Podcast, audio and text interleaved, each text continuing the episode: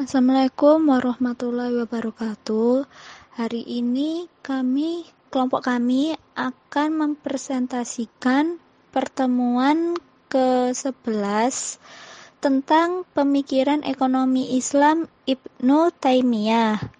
Pertama akan mempresentasikan biografi Ibnu Taimiyah yang akan dipresentasikan oleh Biografi Ibnu Mbak Taimiyah. Aminah. Ibnu Taimiyah itu lahir di kota Haran pada tanggal 22 Januari 1263 Masehi dan dibesarkan dalam lingkungan keluarga ulama besar Mazhab Hambali.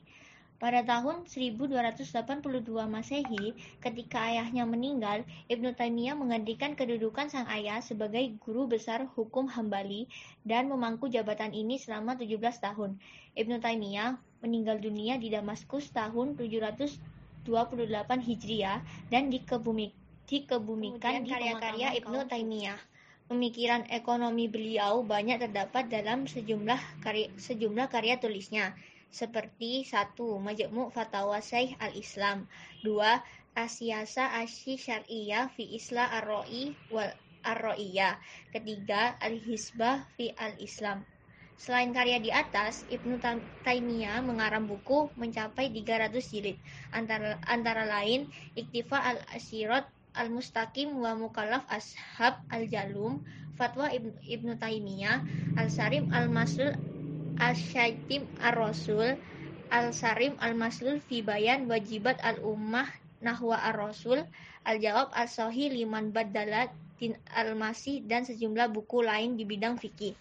Selanjutnya, kelompok kami akan menjelaskan pemikiran ekonomi Ibnu Taimiyah yang akan dijelaskan Pemikiran ekonomi Ibnu Taimiyah terbagi menjadi sembilan.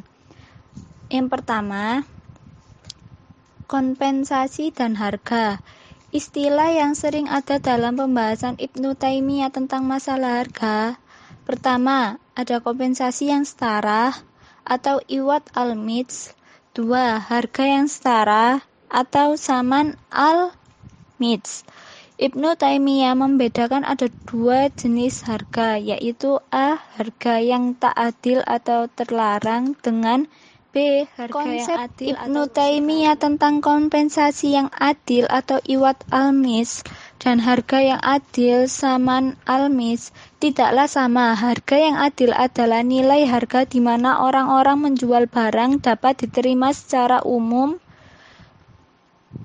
sebagai hal yang sepadan dengan barang yang dijual itu ataupun barang yang sejenis lainnya di tempat dan waktu tertentu. Keadilan yang dikehendaki oleh Ibnu Taimiyah berhubungan dengan prinsip ia darar, yakni tidak melukai dan merugikan orang lain. Tidak melukai dan tidak merugikan orang lain sehingga dengan berbuat adil akan mencegah terjadinya tindak kezaliman. Harga yang setara menurut Ibnu Taimiyah adalah harga baku syir di mana penduduk menjual barang-barang mereka dan harga yang setara itu sesuai sesuai dengan keinginan atau lebih persis harga yang ditetapkan oleh kekuatan pasar yang berjalan secara bebas antara penawaran dan permintaan. Harga meningkat karena pengaruh kekurangan persediaan barang atau misalnya karena menurunnya suplai atau penawaran atau meningkatnya permintaan itu semua karena Allah. Dalam kasus seperti itu, memaksa penjual untuk menjual barang mereka pada harga khususnya merupakan paksaan yang salah atau ikhrar bi khairi. Ada keuntungan yang setara atau adil. Keuntungan yang adil adalah keuntungan normal yang secara umum diperoleh dari berbagai macam model perdagangan tanpa saling merugikan.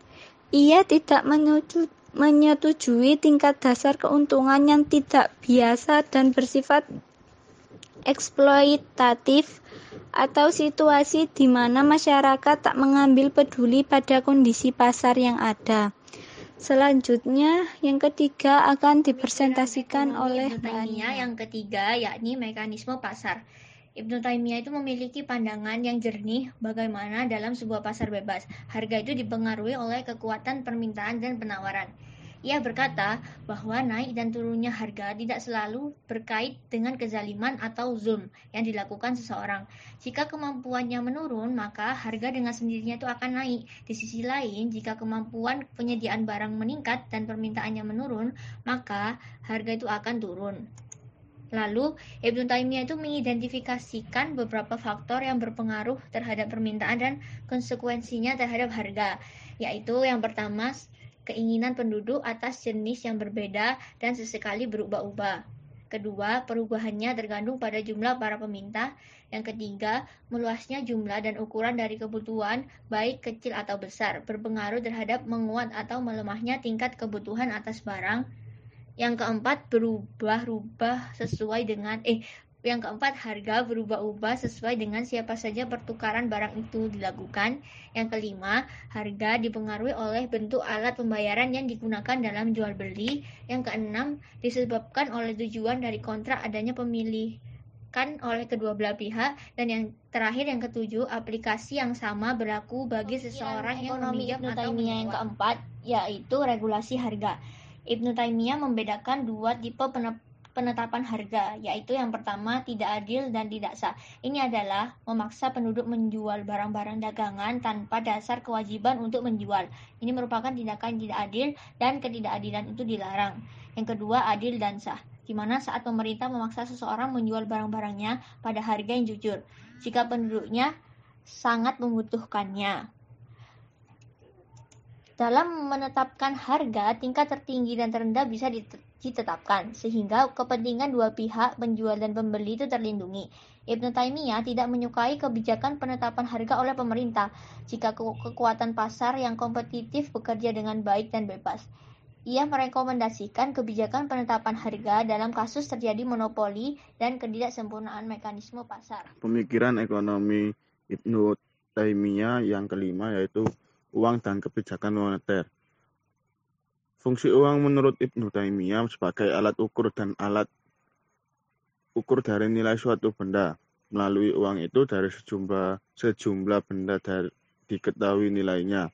Ibnu Taimiyah berpendapat bahwa pemerintah harus mencetak mata uang yang sesuai dengan nilai transaksi yang adil dari penduduk tanpa keterlibatan kezoliman di dalamnya mengenai kebijakan moneter, Ibnu Taimiyah berpendapat bahwa pemerintah harus mencetak mata uang yang sesuai dengan nilai transaksi yang adil dari penduduk, tanpa keterlibatan kezaliman di dalamnya. Dan juga para penguasa jangan mempelopori bisnis mata uang dengan membeli tembaga kemudian mencetaknya sebagai mencetaknya menjadi mata uang koin. Bahkan pemerintah harus mencetak mata uang dengan harga yang sebenarnya tanpa bertujuan mencari keuntungan apa pun dari pencetakannya agar kesejahteraan publik terjamin. A. Karakteristik dan fungsi uang. Secara khusus, Ibnu Taimiyah menyebutkan dua utama fungsi uang yaitu sebagai pengukur nilai dan media pertukaran bagi sejumlah barang yang berbeda. Ia menyatakan ajman harga atau yang dibayarkan sebagai harga yaitu uang, dimaksudkan sebagai pengukur nilai barang, miyar al-amwal, yang dengannya jumlah nilai barang-barang maqadir al-amwal dapat diketahui dan uang tidak pernah dimaksudkan untuk diri mereka sendiri. B. Penurunan nilai mata uang. Ia menyatakan penguasa seharusnya mencetak fulus atau mata uang selain dari emas dan perak sesuai dengan nilai yang adil, proporsional atas transaksi masyarakat tanpa menimbulkan kezoliman terhadap mereka. Ia menganggap bahwa nilai intrinsik mata uang, misalnya nilai logam, harus sesuai dengan daya beli di pasar sehingga tidak seorang pun termasuk penguasa, dapat mengambil keuntungan dengan melebur uang tersebut dan menjual dalam bentuk logam atau mengubah logam tersebut menjadi koin dan memasukkannya dalam peredaran mata uang. C. Mata uang yang buruk akan menyingkirkan mata uang yang baik. Ia menggambarkan hal ini sebagai berikut. Apabila penguasa membatalkan penggunaan mata uang tertentu dan mencetak jenis mata uang yang lain bagi masyarakat, hal ini akan merugikan orang-orang kaya yang memiliki uang karena jatuhnya nilai uang lama berarti hanya sebuah barang. Ia ia berarti telah melakukan kezaliman karena menghilangkan nilai tinggi yang semula mereka miliki. Ibnu Taimiyah juga berpendapat bahwa jika penguasa membatalkan penggunaan mata uang koin tertentu dan mencetak jenis mata uang lain untuk penduduk, itu akan merugikan orang-orang kaya yang memiliki uang karena jatuhnya nilai mata uang lama menjadi sekedar barang dagangan biasa. Berarti pemerintah bertindak zalim terhadap mereka dengan menghilangkan nilai tinggi seperti nilai tinggi sebenarnya yang mereka miliki. Kerjasama Ibnu Taimiyah membagi seluruh transaksi dan kegiatan ekonomi menjadi dua kategori, yaitu yang pertama transaksi yang berpijak pada asas keadilan dan yang kedua yang berpijak pada asas kedermawanan dan manfaat. Transaksi yang berpijak pada asas keadilan ada dua kategori, yaitu transaksi melalui pertukaran dan transaksi melalui kerjasama.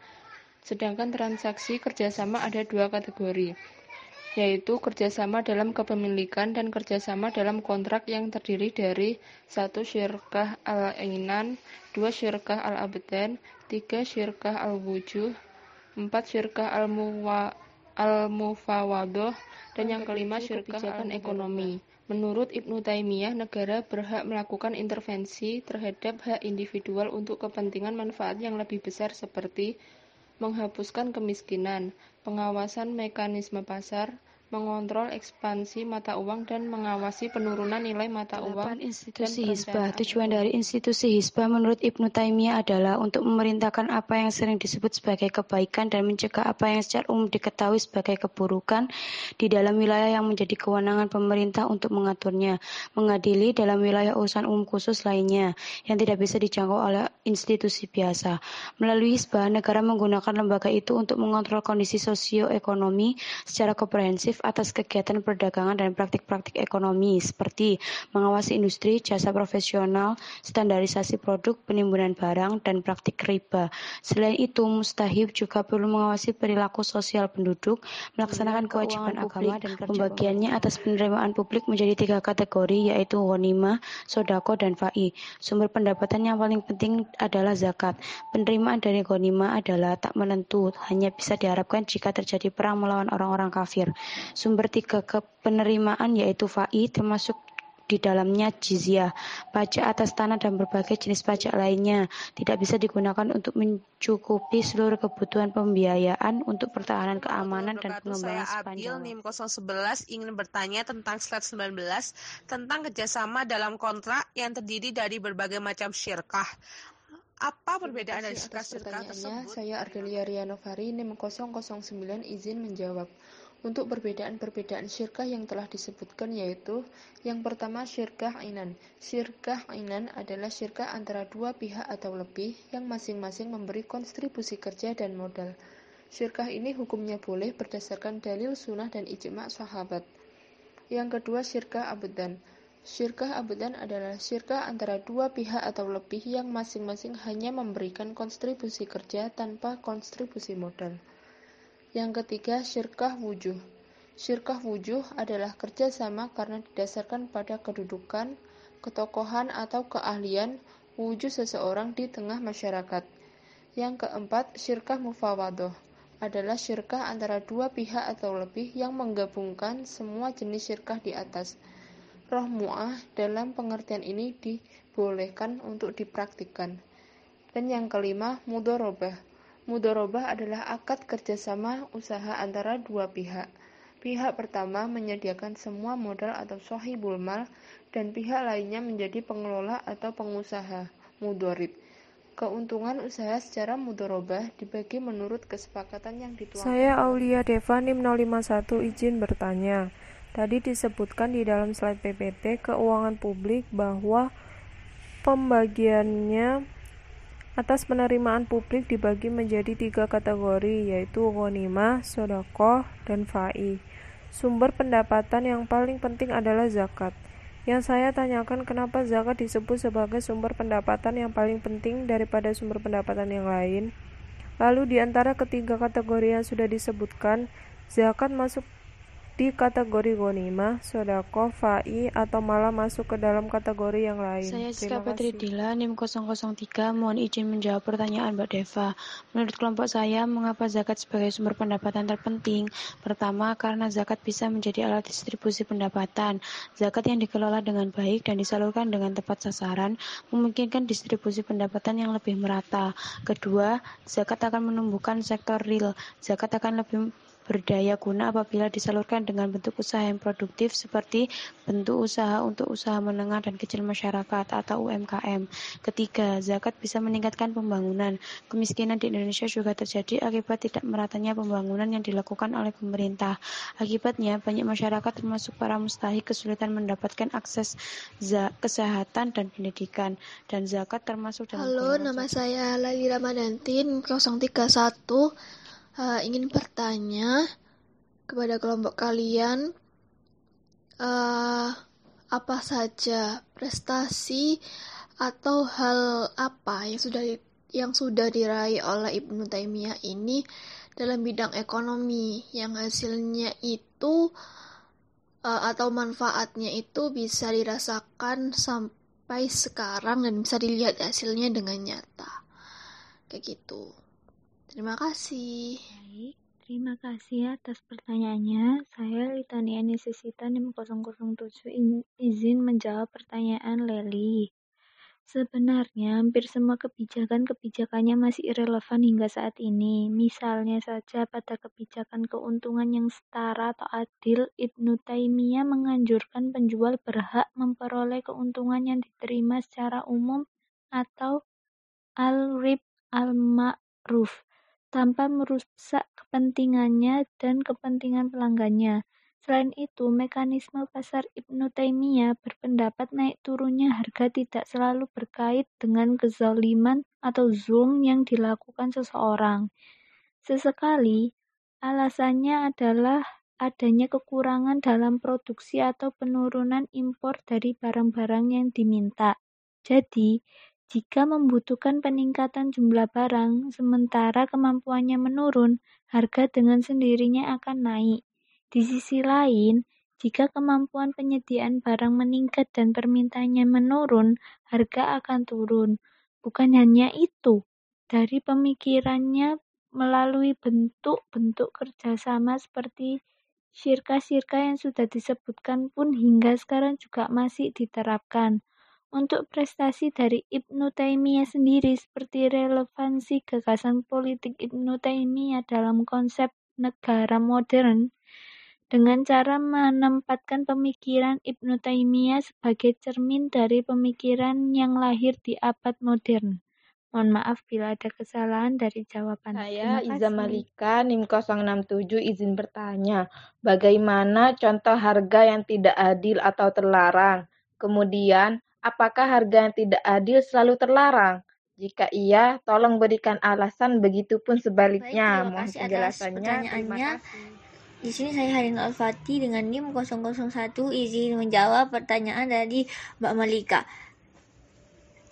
Jadi contoh harga yang tidak adil atau terlarang itu di mana harga ini tuh menimbulkan kerugian atau penindasan kepada para pelaku pasar. Misalnya, harga yang terlalu tinggi. Jika ada barang kualitasnya jelek dijual dengan harga yang terlalu tinggi atau terdapat suatu barang yang dijual dengan harga yang terlalu tinggi di pasaran. Contoh harga yang tidak adil itu juga ada juga adalah harga yang ditetapkan di bawah harga pasar karena itu dapat merugikan produsen. Dan untuk harga tidak adil itu menurut kelompok kami selalu terlarang karena harga tersebut dapat merugikan dan menyebabkan mekanisme pasar akan terganggu. Mohon maaf bila ada kekurangan dan kesalahan atas jawabannya mungkin bisa dikoreksi dengan teman para teman-teman. Bisa saya tambahkan misalnya pemikiran beliau mengenai permasalahan supply dan demand itu kan sampai sekarang juga masih berlaku ya. Kalau ini zakat berbeda ya bukan masuk ke mana begitu, walaupun bisa dianggap sodakoh zakat sifatnya wajib. Kalau sodakoh biasa, sunnah. Kenapa zakat spesial? Karena standarnya jelas, ukurannya jelas, yang dapat siapa juga jelas. Dan satu-satunya instrumen kebijakan fiskal yang masih eksis sampai sekarang ya zakat ini. Kalau fai dan ganimah itu harta rampasan perang sekarang sudah tidak ada, Jangan lupa yang perlu digarisbawahi juga tentang pemikiran moneter beliau.